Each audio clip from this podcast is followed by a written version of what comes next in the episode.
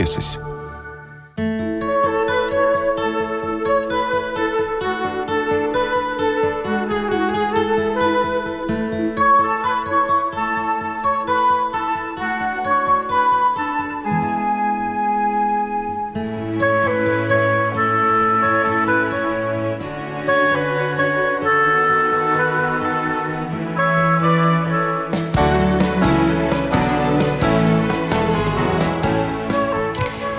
Esiet sveicināti monopolā, ar jums runā Arita Grīnberga.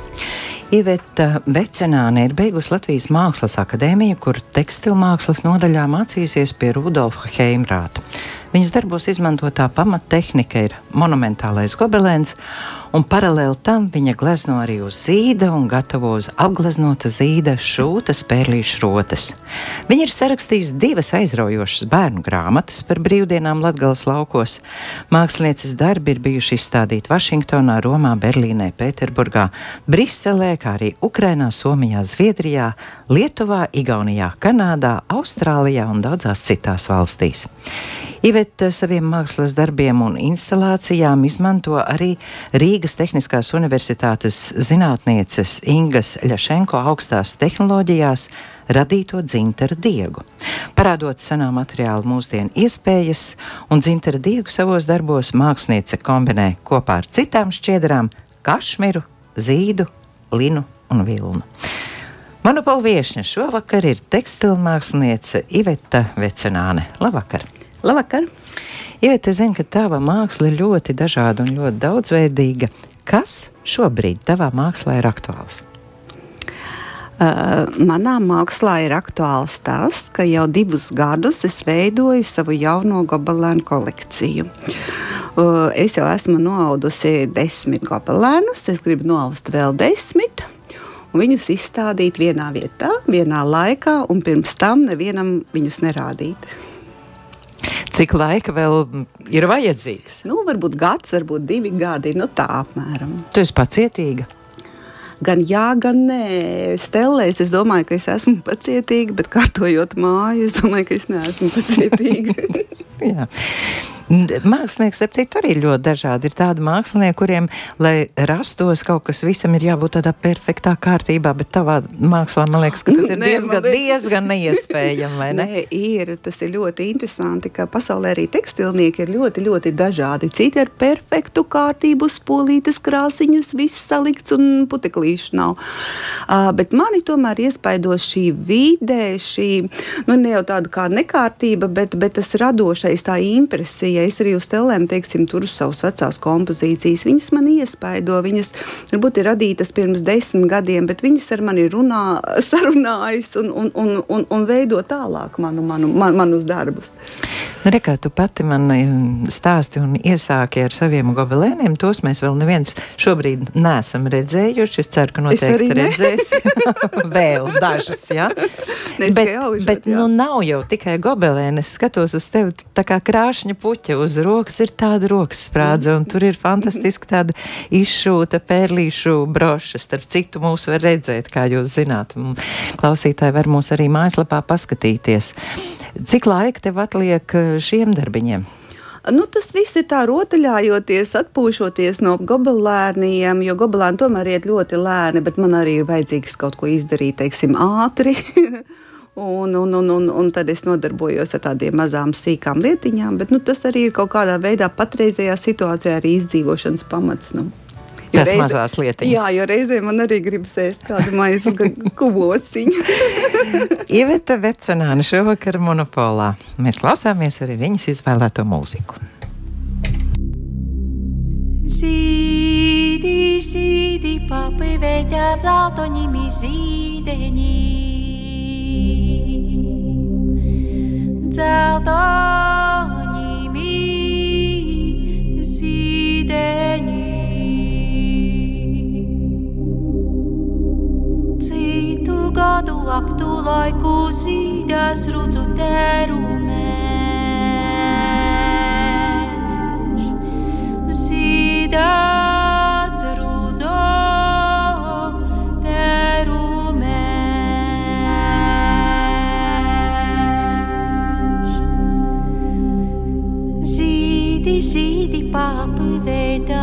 Zīdās zeltonimi sideni zeltonimi sideni aparis tevi apraks tevi armanu įvelienė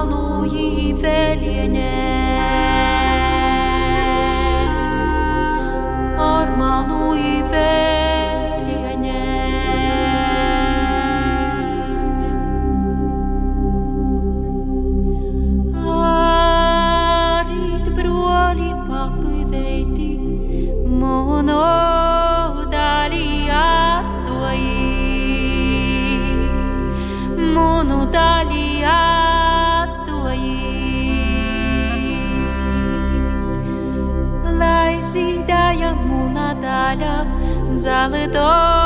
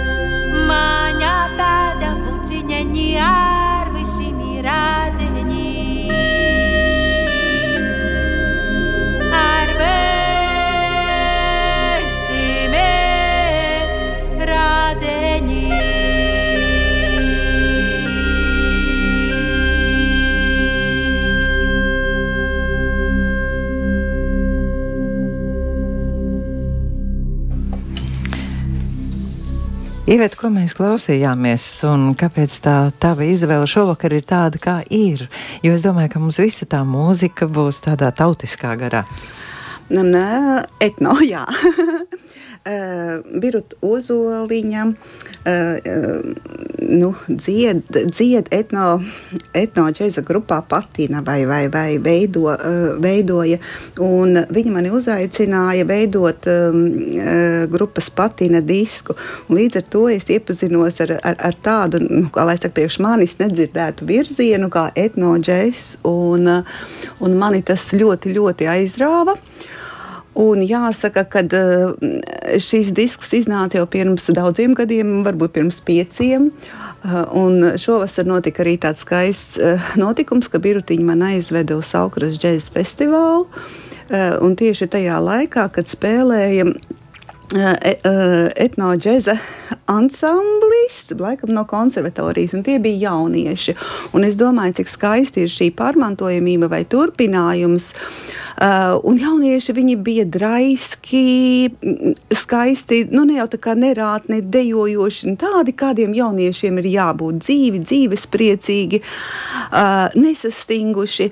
Viņi zināja, ko viņi dara, un viņiem tas patika.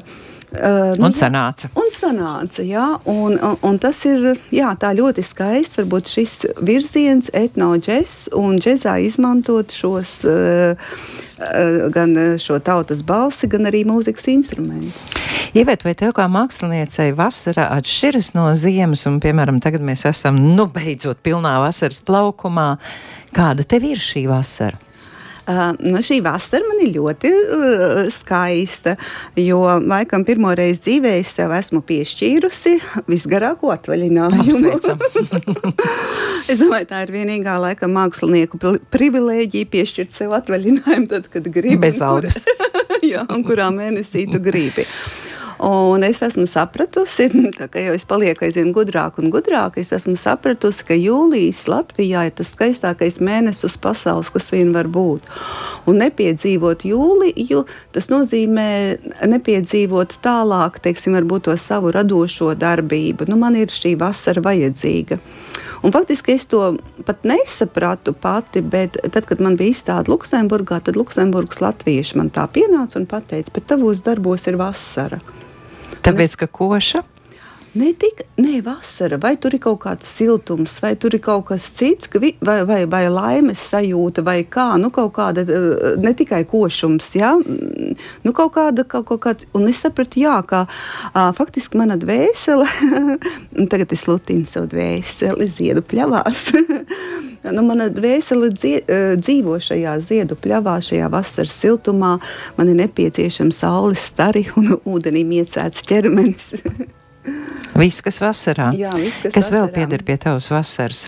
Um, pie manas vasaras vēl pieder brīnuma atklāšana.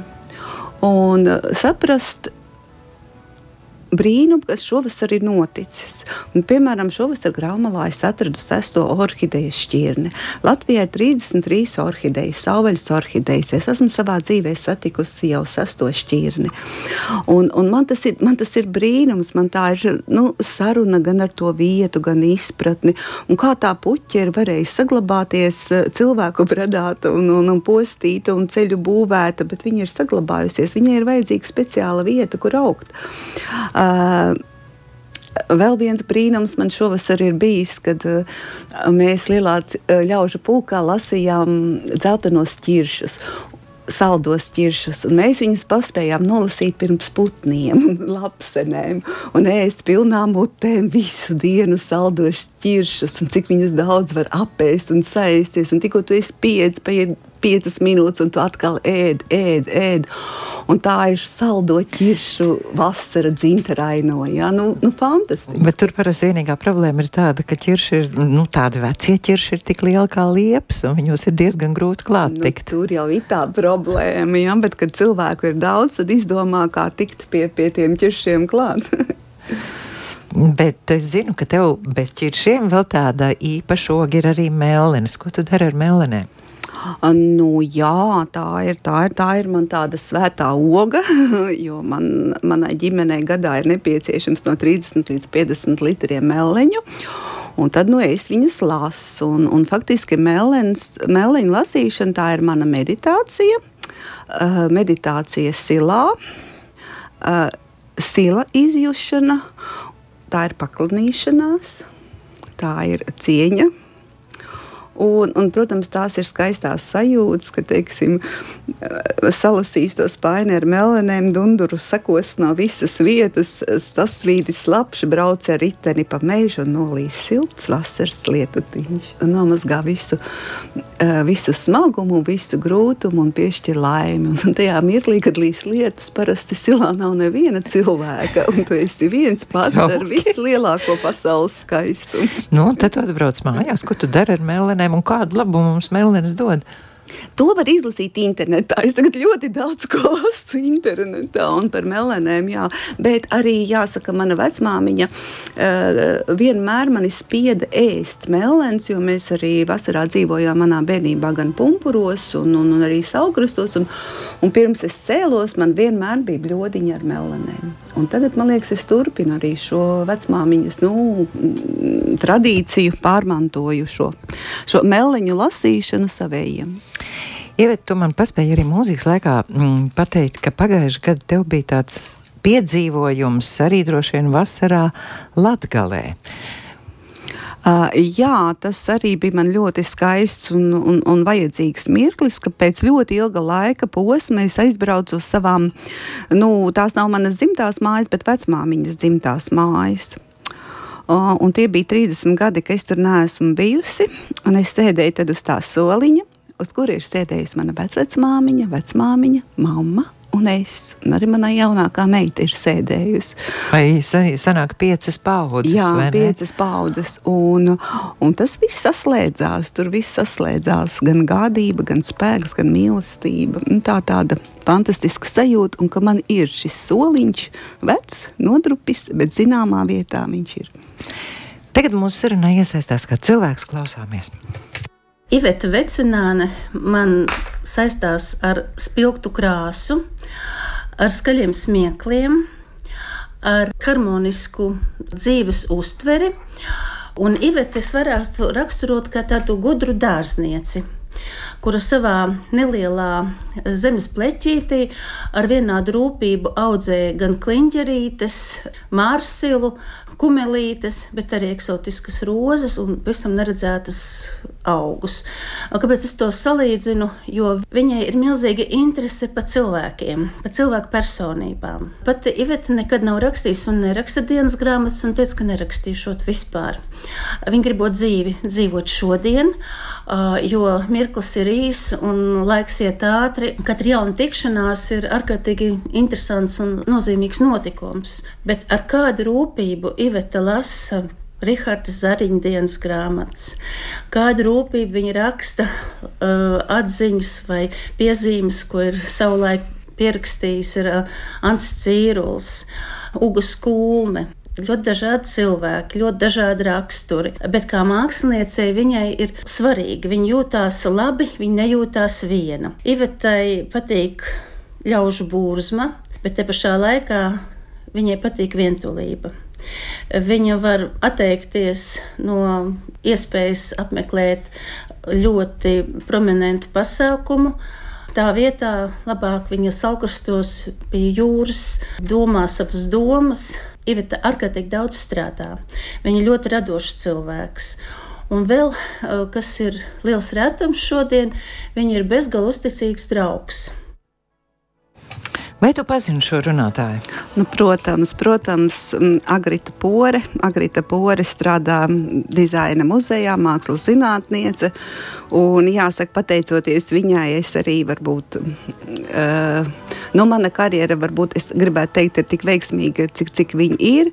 Jo arī viņa mani ir um, vedusi cauri ļoti, ļoti grūtiem mirkļiem. Un jāsaka, tas, vai jūs zinat, tagad zinātnieki ir izdomājuši, uh, kas ir uh, šajā laikmatīgajā dzīvē tā lielākā vērtība. Laiks. Uh, ilglaicīgas cilvēku attiecības. Bet tas arī to pašu ietver, vai ne? Un, ka tu vari kādam ziedot to laiku, jo tas ir pats dārgākais, jā, kas tas, mums tas ir. ir. Tas, bet arī ilgā dzīves laika posmā, un jāsaka, nu, ar uh, Agrita pori šīs attiecības mums ir tiešām ilglaicīgas. Un tas skaistākais mirklis bija vienu gadu Pirms jaunā gada viņi man prasa, nu, kur svinēs jauno gadu. Es saku, nu, beidzot, es gribu jauno gadu svinēt viena.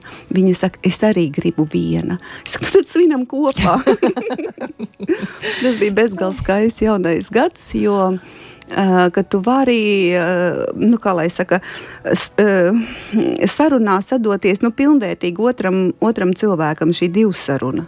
Divsaruna dialogs, jā, kas ir kā ļoti liela vērtība. Man liekas, Vispār man liekas, ka tā ir ļoti liela māksla, ko daudzi šodien vairs nepieprot. Tā, ka tajā brīdī tu esi ar to cilvēku. Ja tu esi ar to cilvēku, tad pa simt procentiem, un tad ja. tu nedari neko citu un nedomā neko citu.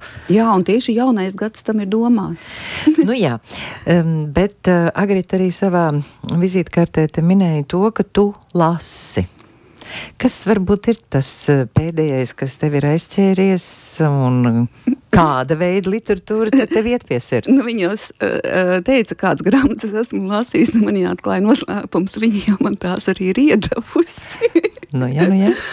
Um, bet, um, bet uh, nē, lasīt, un teiksim, šīs vēsturiskās grāmatas man ir ļoti patikušas no seniem laikiem. Protams, ka, ka, ka es pēdējā varbūt laikā esmu mazāk lasījusi, uh, bet um, mana dzīve arī tādu interesantu pagriezienu ir, ir veikusi, kad uh, es lasu, teiksim, vēsturiskajā Beņamiņa namā uh, lekcijas par uh, Latvijas miljonāriem, preses magnātiem Emīliju un Antonu Beņamiņu. Un tas vēl no tiem laikiem, kad es tur strādāju. Tas man ir tāds kā apgūts materiāls, bet visu laiku nāk kaut kāda jauna, skaista informācija. Un vienreiz pēkšņi skatos uz atpūtas bildi, kur ir Kārļa zāles fotografija, un man ir ļoti daudz kāpēc kāpēc. Kāpēc viņš tur ir tāds, tajā fotografijā, kāds viņš tur ir? Kāpēc? Kāpēc? Un es sapratu, uh, ka nes kāpēc par Kārli Zāli ir ļoti maz informācijas, nu, informācijas un man, kaut gan es esmu mākslas akadēmiju beigusi, bet es principā neko nezinu. Nu, labi, tur 9. klases vēstures grāmatā var izlasīt, uh, kas brīvības pieminekli ir attēlots, bet vairāk neko es faktiski nezinu. Un tad sākās man šis interesantais periods pētīt Kārļa Zāles biogrāfiju, meklēt grāmatas, meklēt atsevišķus teikumus, runāt ar mākslas zinātniekiem un caur savas mākslas mākslinieces nu, tādu redzējumu, to visu apkopot, savest kopā. Un, faktiski, jā, un, pēdējā laikā man ļoti interesē grāmatas, kuras varu satikt kaut ko par Kārli Zāli. Agritai bija arī kāds jautājums, klausāmies. Vai tu, Iveta, zini, kuram tavam labam draugam nākošgad Nacionālā mākslas muzejā būs izstāde. Tavam ļoti labam draugam, kuru tu ļoti privāti jau pazīsti caur grāmatas lapām. nu, jā. Um, nē, es tomēr nezinu. Patreiz varbūt es esmu uztraukusies, bet es nemāku atbildēt. Ja tev ienāks prātā, tu varbūt atbildēsi mazliet vēlāk, jo, diemžēl, mm -hmm. es arī nezinu šo atbildi, bet kaut kad mēs to noskaidrosim. Pagaidām tas, lai paliek mazs noslēpums. Šajā brīdī vēl kāda no tavām mūzikas izvēlēm. Jā.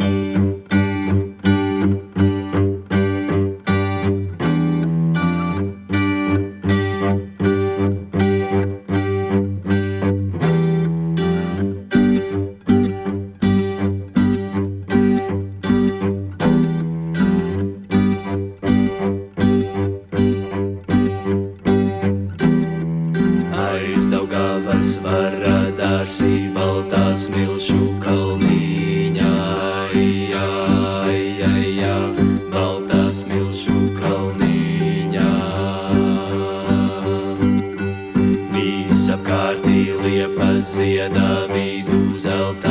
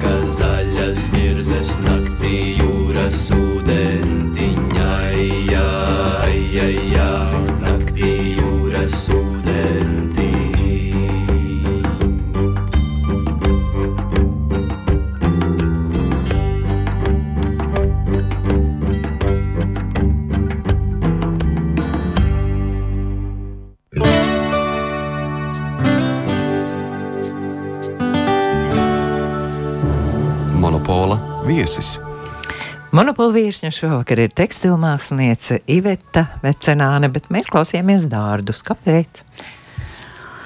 Um, jā, kāpēc šeit atkal tas jautājums ir par pārmantojamību? Un um, vispār man mm, tas ir mistiski, bet braucot teiksim, pa pasauli, daudzās vietās, es saprotu, ka ļoti liela vērtība ir koklei. Un, teiksim, ārzemnieki ļoti ar lielu prieku klausās kokli. Uh, un varbūt mēs pat latvieši to tā nespējam novērtēt. Bet uh, Berlīnē vienreiz uz uh, valsts pieņemšanu bija mana izstāde, un Laims Jansons. Laima Jansons spēlēja kokli, un tā bija pārpildīta zāle Berlīnē ar vēstniekiem uzvalkos, un visa zāle sēdēja vienā elpā un klausījās latviešu mazo kokli. Un vēlāk, jau pat pēc gada man prasīja, nu, kā to instrumentu, nu, kā to instrumentu sauc. Un tā ir tāda mūsu eh, latviešu, nu, kā lai saka, ļoti, ļoti liela vērtība, kokle. Un es domāju, tieši dārdu izpildījumā šī kokle ļoti skaisti iemirdzas. Un viņa ir arī tāda patiesa, dabīga. Uh, kā, kā, kā man viņa ļoti patīk. Un arī man ļoti patīk dārdi, tāpēc, ka tur arī šis, šī jaunieša, man gribas teikt, mūsu bērnu, nu, visiem, kam ap 30 ir mani tā kā bērni. Um, šī skaistā pārmantojamība, šī koklas izjušana, un es zinu, kā arī An, um, Ancis Jansons ir bijis Latvijas zelta, zelta, zelta ne jau nominācijā, bet zelta talants. Un, un, un šeit es gribu pastāstīt to stāstu arī varbūt visai Latvijai. Es zinu stāstu par poriķi no Jāni Poriķi no Alsungas. Uh, viņš spēlēja kokli, un pirms savas aiziešanas man stāstīja, ka viņš uzlika kokli sev uz krūtīm un spēlēja kokli. Un faktiski cilvēks atnāk viens un aiziet viens, bet principā Jānis Poriķis aizgāja ar ļoti tuvu draugu, ar savu kokli. Un, um, es domāju, tad, kad viņš spēlēja kokli, vai viņš varēja iedomāties, ka Es negribu teikt, pusi Latvija tagad spēlē kokli, bet tā jau mazliet arī ir aizgājusi kā šī modes lieta. Uh, kā uh, jaunieši spēlē koklis, uh, izgatavo koklis, kopā muzicē. Un vai Poriķis varēja iedomāties, ka pēc 30 gadiem tik daudz latviešu jauniešu spēlēs kokli? Ar, un arī man bija ļoti skaists mirklis, kad um, Mani tagad arī bieži uzlūdz ciemos Luksemburgā dzērves, Luksemburgas dzērves, un kad um, es varu staigāt pa Mozeles upes krastiem, pa vīnogulājiem, tagad es atnāku uz, uz māju, kurā dzīvoju, un tur notiek mēģinājums mazajām dzērvēm. Un kad tas mēģinājums, kad ir koklis, visādi latviešu instrumenti, un ka tas ir tādā vienā elpā, sapratnē, harmonijā, un es stāvu aiz durvīm klausos, un, un es nevaru nostāvēt, es eju iekšā tajā mēģinājumā un dzīvoju līdzi, un es saprotu, bet tā ir skaistā mūzikas iela, un kā šī skaistā latviešu mūzika skan nu, visā pasaulē. Tu pati minēji, ka varbūt mēs latvieši nevienmēr savas vērtības novērtējam. Šajā gadījumā stāsts bija par kokli, bet ir vēl viena vērtība, ko mēs arī īsti, man liekas, nemākam novērtēt, un tas ir dzintars.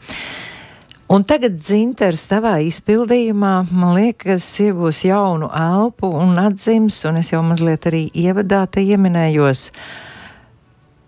Tavās rokās ir nonācis dzintara diegs. Tas, tas izklausās vispār ļoti interesanti. Es nekad neesmu redzējis, mēģinu izstāstīt, kā tas ir, kāds tas diegs izskatās un ko tu ar viņu dari tālāk. Uh, Jā, Inga Jašenko ir izgudrojusi šo dzintara pavadienu. Uh, tas pavadiens ir ļoti neuzkrītošs, maziņš, trausls, bet, uh, kad ar pirkstiem tā kā pavelk to pavadienu, pārvelk pāri, var just mazo šos mikrona dzintara, uh, dzintara uh, gabaliņus. Un zinātniece ir izgudrojusi šo pavadienu tā kā cilvēku veselībai, tur viss tās īpašības, kas ir. Un, kad Rīga bija tu, kultūras galva, galvaspilsēta, tad eh, Rīga 2014 uzticēja man šo, virzīt šos projektus ar dzintara pavadienu, teiksim, mākslā vai eh, instalācijās un gobelēnos. Uh, Un, jā, un es esmu noaudusi pietiekoši daudz gobelēnus, kuros izmantoja šo dzintara pavadienu. Faktiski, jā, viņas ļoti daudzās vietās pasaulē ir bijušas. Jāsaka arī, ka tādās ļoti spēcīgās un sakrālās vietās, kā uh, Kijevā, Sofijas katedrālē, metropolīta mājā, ar to viņi sākās uh, Luksemburgas abatijā, kur ir senais šis Romas ceļš uz Eiropu. Un, jā, tas bija, tas bija laiks, un ik pa laikam arī tagad eh, es atgriežos pie tā dzintara pavadiena un ar viņu strādāju. Bet uh, tu mums stāstīji, ka tagad top jauna gobelēna, un varbūt pēc gada jau būs tava lielā izstāde atvērta, vai tajā arī mēs to dzintaru diegu varēsim Nē, tur ir redzēt. Cita, pilnīgi, tur ir pilnīgi, pilnīgi cita tehnika. Cita, tehnika. Ko vēl jā. var darīt ar dzintaru diegu bez gobelēna? Nu, kā jau es minēju, jau es minēju viņi ir uh, gan šāli sauž, gan uh, gultas veļu, un um, zinātniece laikam pati tagad strādā ar šo, uh, ir izveidots holdings, un viņi strādā ar šo dzintaru pavadienu visādas, nu, tekstilu izstrādājumos. Nezinu, cik tur taisnības atceros, ka bija kāda radiniece, kas nesāja tās lielās dzintara krēles stūp pie vairoga dziedzera un teica, ka tas palīdz un ka vispār dzintars esot veselībai ļoti labs. Jā, dzintars un faktiski es arī vairāk papētīju daudzas tautu kultūras tieši, kas izmanto dzintaru un tas ir vienkārši fantastiski un kur tikai viņš nav. Teiksim, Tibetas sievietes esmu redzējusi, viņam tā kā dzintars, balta, tā kā baltais dzintars šķīvi liela lielumā un uz galvas tādi dzintara gabali, kad ir tā, un vēl kaut kādas sarkanas lupatiņas un korāļi, un kad ir desmit tādas sievietes kopā, es esmu redzējis fotografiju, jā, tādiem dzintara šķīvjiem uz galvas. Um, visvairāk man stāsts patīk, ka, krievu zīdītājas ir vilkušas dzintara krelles, lai pasargātu no ļaunas acis un lai būtu, teiksim, veselība, un faktiski dzintaram ir tā, ka viņš ir, nu jā, trombu neveidojošs, šūnu atjaunojošs, un um, aizmirsu vēl trešā īpašība, pēkšņi izskrēja no prāta. Uh, jā, tā kā uh, dzintars tiešām veselībai, bet tā, tā, tas lielākais stāsts jau ir par to, ka latviešiem jau tas dzintars tika atņemts. Un ja latvieši tur viduslaikos zvejoja dzintaru, viņus varēja sodīt, uh, sodīt ar nāvi, uh, jo viss dzintars bija jānodod tai Hanzas Savienībai. Uh, Tā kā faktiski latviešiem šis dzintars tika atņemts, un tā mana doma, vai atkal fantāzija, var, nu ne fantāzija, bet, bet tāds tēlojums ir, ka tagad ar to dzintara pavadienu latviešiem atgriežas dzintars, varbūt viņu uh, ikdienā sadzīvē. Un man ir arī ļoti daudz tādu visādi nostāsti par šiem kādu iespēju tie mani gobelēni ar dzintaru pavadienu atstājusi cilvēkiem. Varbūt kāda izstāstīs, bet tagad mēs ieklausīsimies vēl kādā cilvēkā. Iveta ir ļoti krāsaina, koša, viņas smiekli ir atpazīstami. Nu, katrā ziņā, ja telpā, ja kaut kur izstādes atklāšanā vai kaut kur jūs dzirdat tādus garšīgus smieklus, tad zinat, ka kaut kur tūmā ir Iveta. Viņa ir ļoti jā, es jau teicu, krāsaina, un arī viņas darbi ir krāsaini un silti un dzīvi, un, un tos nevar nepamanīt. Tie ir arī lieli izmēros, ja par gobelēniem runājam. Vēl man liekas, ka Iveta ārkārtīgi labi izmanto un vienlaicīgi prot strādāt dažādās tehnikās ar dažādiem materiāliem. Un viņa tā īpaši nešķiro, teiksim, nu, jau gobelēnu uzskatītu par tādu kā augsto mākslu, pieņemsim. Ja? Bet Iveta absolūti bez mulsuma var noaust arī segu vai šalli vai kaut ko tādu pledu un ar tikpat lielu aizrautību un ar tikpat lielu enerģiju. Un starp citu, tas pat reizēm ir grūtāk nekā lēnu noaust, jo, jo tai lietojamajai lietai būtu arī jākalpo ilgi un labi. Un, un Iveta ir audusi arī šūpuļu tīklus, cik es zinu. Viņa dara īstenībā visu, ko viņa modelē tērpus, viņa gatavo rotas. Tas ir kā agrākajos laikos. Nu, īsnībā Latvijā vienmēr sievietes ir pratušas darīt visu. Un Ievēta arī, man liekas, piedara pie, pie tām māksliniecēm, kas dara visu. Skatoties uz materiālu, viņi vienkārši nu, saredz acīm redzot to priekšmetu, to lietu, to tēlu materiālā. Kas to saka? To saka, es gribu teikt, brīnišķīga mana kolēģe Ieva Krūmiņa Ieva Krūmiņa ir tekstila māksliniece, kuras vārdu es arī gribu teikt, zina, zina visa pasaules tekstilu cilvēki. Un, ja es kaut kur esmu, vai Dānijā, vai, vai esmu bijusi, un es pasaku, ka jā, es pazīstu Ievu Krūmiņu, tad man atveras visas durvis. Tieši tik vienkārši. Jā. Par tavām zelta rokām. Nu, kā tas ir, ka viens cilvēks eh, pieprot tik daudz? Viņa teica, prot visu. Es pieļauju, ka visu gluži nē. Es nezinu, ar ko tu strādā, piemēram. Jā. ir bijuši. padodas. No kurienes tev tās zelta rokas? Nu, tomēr tā ir, nezinu, iedzimta kāda gēnu lieta, vai tev tēvs vai māte tāds bija, vai tu pati tā, nu, augi un vienkārši pamanīji, jā, es to varu izdarīt. Nu, jā, laikam jau mana mammīte, mana mammīte, vecmāmiņa, tēvs un visa mana ģimene tomēr varēja ar rokām izdarīt ļoti daudz. Un par mammu man arī ir, ir, ir daudzi stāsti, ka visam, kam mamma pieķērās, viss viņai sanāca. Un viņai bija vienmēr kārtīga darba vide, telpa, viss bija salikts par rokai. Katra minūte bija izdomāta, ko viņa tagad, ko, ko, ko vēlāk darīs. Viņa arī ļoti palīdzēja cilvēkiem, gan, gan, gan uzšuva, gan piegrieznis, teiksim, sali, gan padomus dot, gan, gan Tā kā es domāju, ka mana vecmāmiņa arī ļoti nodarbojās ar tekstilu. Vēl tagad ir saglabājušies viņa ziemeļniekā izšūti paklāji, kurus viņa izšuva skatoties tādu lielu gobelēnu grāmatu, un viņa vadījās pēc Georga Barkāna, teiksim, gobelēniem. Un tētis? Uh, un tētis, tētis man gan bija boksa treneris. Un, un, un no turienes varbūt man nāk šī tāda cīņas tāda, tāda izjūta un garša. Man patīk cīnīties, man patīk sajust tādu cīņas asins garšu mutē, un ka bišķītiņi tev ir, ir, ir tas pretspars, tad, tad tev ir tāds, tā, tu tā mobilizējies, un tu saproti, kā, kā tev ir jāuzvar, kā tev ir jāiziet no tās situācijas. Bet viņš arī paralēli visam tam nodarbojās. Tad, nu, tā ir radētā, kā bišķi strādāja un piestrādāja no turienes. Varbūt es arī zinu šīs te, uh, metāla tādas iespējas, tehnikas, Nu, reku tavs skaistā rokasprāts, nezinu, vai tās ir tulpas vai lilijas, bet, nu, rokasprāts vienkārši fantastiski uz rokas. Tātad no tēva tu esi iemācījusies šīs metāla mākslas to kā pamatus un pieliec to savu tekstilu mākslu tajā visā izstrādājumā klāt. Jā, jā. Mhm. Ievai ir jautājums? Es ievietāju pavaicātu to, ja viņa būtu pilnīgi neierobežota iespējās, materiālos. Nu, Īsnībā viņa varētu izdarīt jebko. Tad kas būtu tas ideālais darbs? Vai tas būtu kāds liels formāts, vai kāds īpašs materiāls, vai, vai kāda īpašas funkcijas objekts? Kā, kas būtu tas viņas tas īstais sapņu darbs? Vai ieviņa nu, būtu man, bet, protams, tas ir gobelēns. Un, protams, ka man gribas aust lielus gobelēnus un monumentālus, un man gribas, lai ir tādas lielas telpas. Gobelēnam. Tu neesi no Amerikas atbraukusi. Amerikāņiem viss ir lieli leduskapji, lielas mašīnas.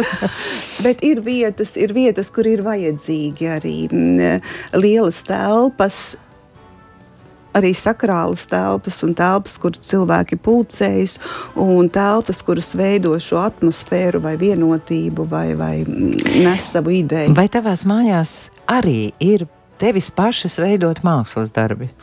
Jā, tagad ir.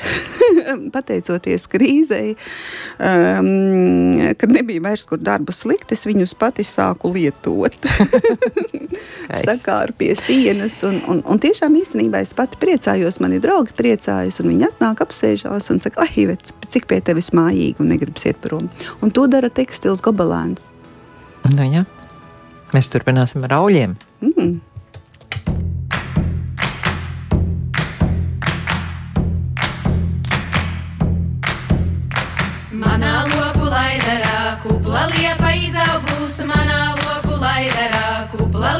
Izaugus, cik es gāju godi slop, tik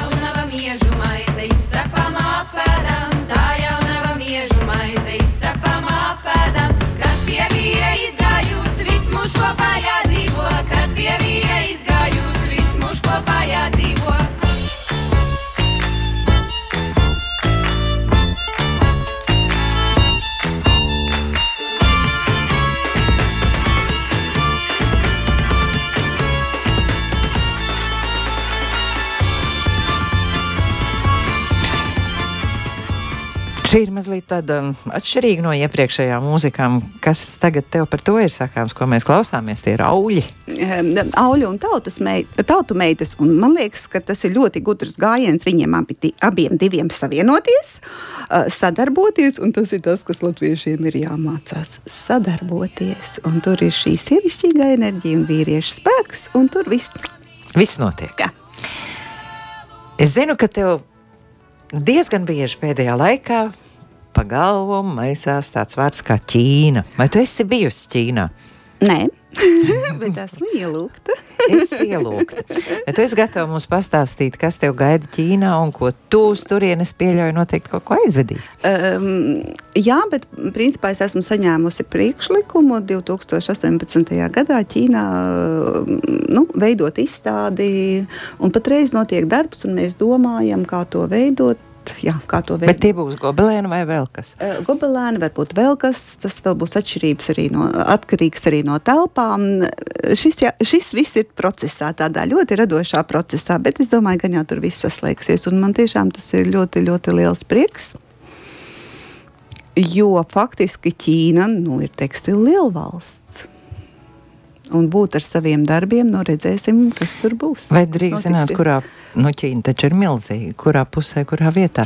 Nē, nu tā, tā ir Pekina, bet patreiz, patreiz veidojās tuvāk tam pirmajam, pirmajam aplim, tiek meklētas telpas. Jā. Turēsim īši, lai tev viss izdodas, bet mm -hmm. mums ir jāieskandina vēl kāda mūzika. Saka saule no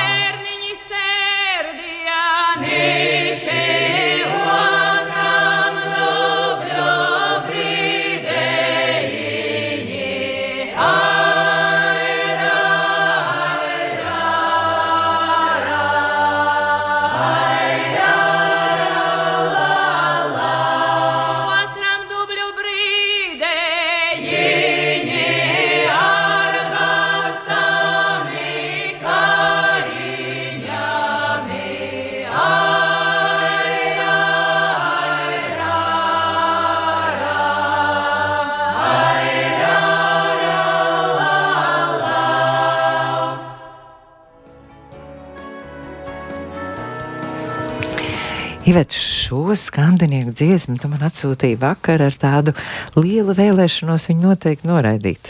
Kāpēc tev viņi ir tik tuvu pie sirds? Uh, gan dziesma, gan arī skandinieki. Man liekas, ja nebūtu skandinieku drosmes, spēks, um, spēks un šī dziedāšana, un um, nu, jā, šī atkal mūsu vērtības pacelšana, dainu pacelšana, uh, izdziedāšana, dzīvošana, nu, tad mēs varbūt arī šeit nesēdētu. Dotajā mirklī, kā eh, tas ir dziesmas spēks, ko dziesma dara. Un dziesma, mūzika, nu, veido pat cilvēku sabiedrību un valsti.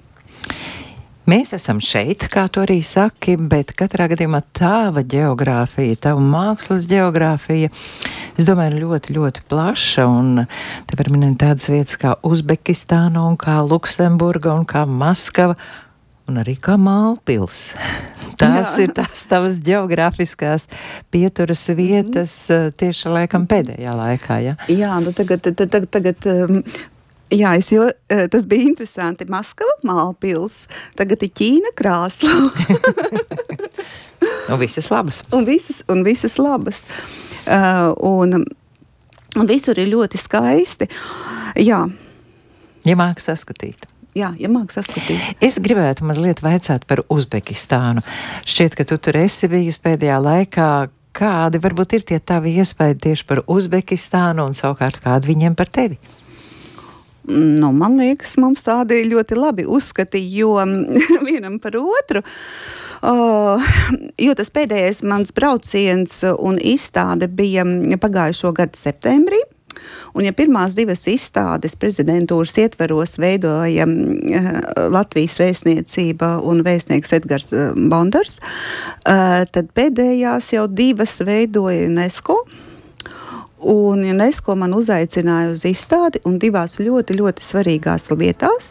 Tā ir Fergāna, un tur bija Atlas Bairamī festivāls, um, tekstilu festivāls, kurā mm, es piedalījos, un to nevar izstāstīt. Vispār, nu, tā ir Fergānas ielē, tā ir īstā vieta, kur auž zīdus, kur ir šīs senās tradīcijas, kur um, arī pēc 91. gada sākās šī atzīšana, jo viņi arī nenovērtēja savu vērtību vērtību, kas viņiem ir, un, un, un tā bija gandrīz vai izgaisusi. Tagad viņu audumi ir viņu audums izmanto labajiem, dārgajiem modes namiem. Es braucu un varēju skatīties, kā cilvēki iepērk, kā modes mākslinieki iepērk kopā ar Marhamatu Mārovu un uh, sajust, sajust procesu, sajust materialitāti, sajust, teiksim, šo izvēli, nu, šo, šo austrumniecisko, šo tirgošanos, šo, šo, šo jā, tādu tirgošanās kaifu. Un, um, un, un, un, jā, un tur bija fantastiski cilvēki. Uh, Un, un, un nākošā mana izstāde bija Karapaukstānā Savicka muzejā, kur ir pasaulē lielākā Krievu avangardu kolekcija, lai paglābtu 18. 18. gadā šo Krievu avangardistu Savickis izveda uz Uzbekistānu šo Karapaukstānu. Uz turieni brauc cilvēki no visās pasaules skatīties, teiksim, šo kolekciju, tikai šo kolekciju. Un, un, un tādā, tādā vietā un telpā bija mani darbi, bet man jāsaka, ka tur vēl ir brīdi brīnišķīga. Savickis ir savāds tekstilu un mm, kolekciju. Jāsaka, ka uh, pirmie džinsi varbūt radās tieši tur džīns audums, kokvilns, indīgo krāsa un vēl izšūta. Tie bija sieviešu tērpos. Uh, tur bija viņu senie skaistie rotājumi, uh, serdolika, kas bija gan sievietēm, gan zirgiem. Bet zirgiem tie akmeņi ir? bija lielāki, serdolikas akmens, ja, akmens sudrabā un, un kā rotas. Ja. Arī zirgiem? Jā, jā nu, zirgiem bija lielāks un skaistāks Aha. kā sievietēm. Vajag sievietes, laimīgie zirgi. Jā, bet es zinu, ka tu varētu stāstīt vēl ilgi un ilgi. Un man patīk arī tas, ka tu vienkārši uzbur šo vizuālo ainu mūsu acu priekšā. Mums atliek tikai iztēloties.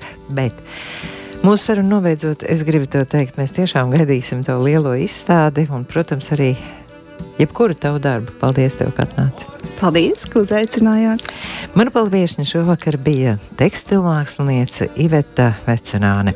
Vizītkartes sagatavoja Ievupītes, skaņa operators Armans Briedis, mūzikas redaktora Dace Stalidzēna, sarunu vadīja Arita Grīnberga. Viņai lai jums visiem ir jauks vakars! Atā.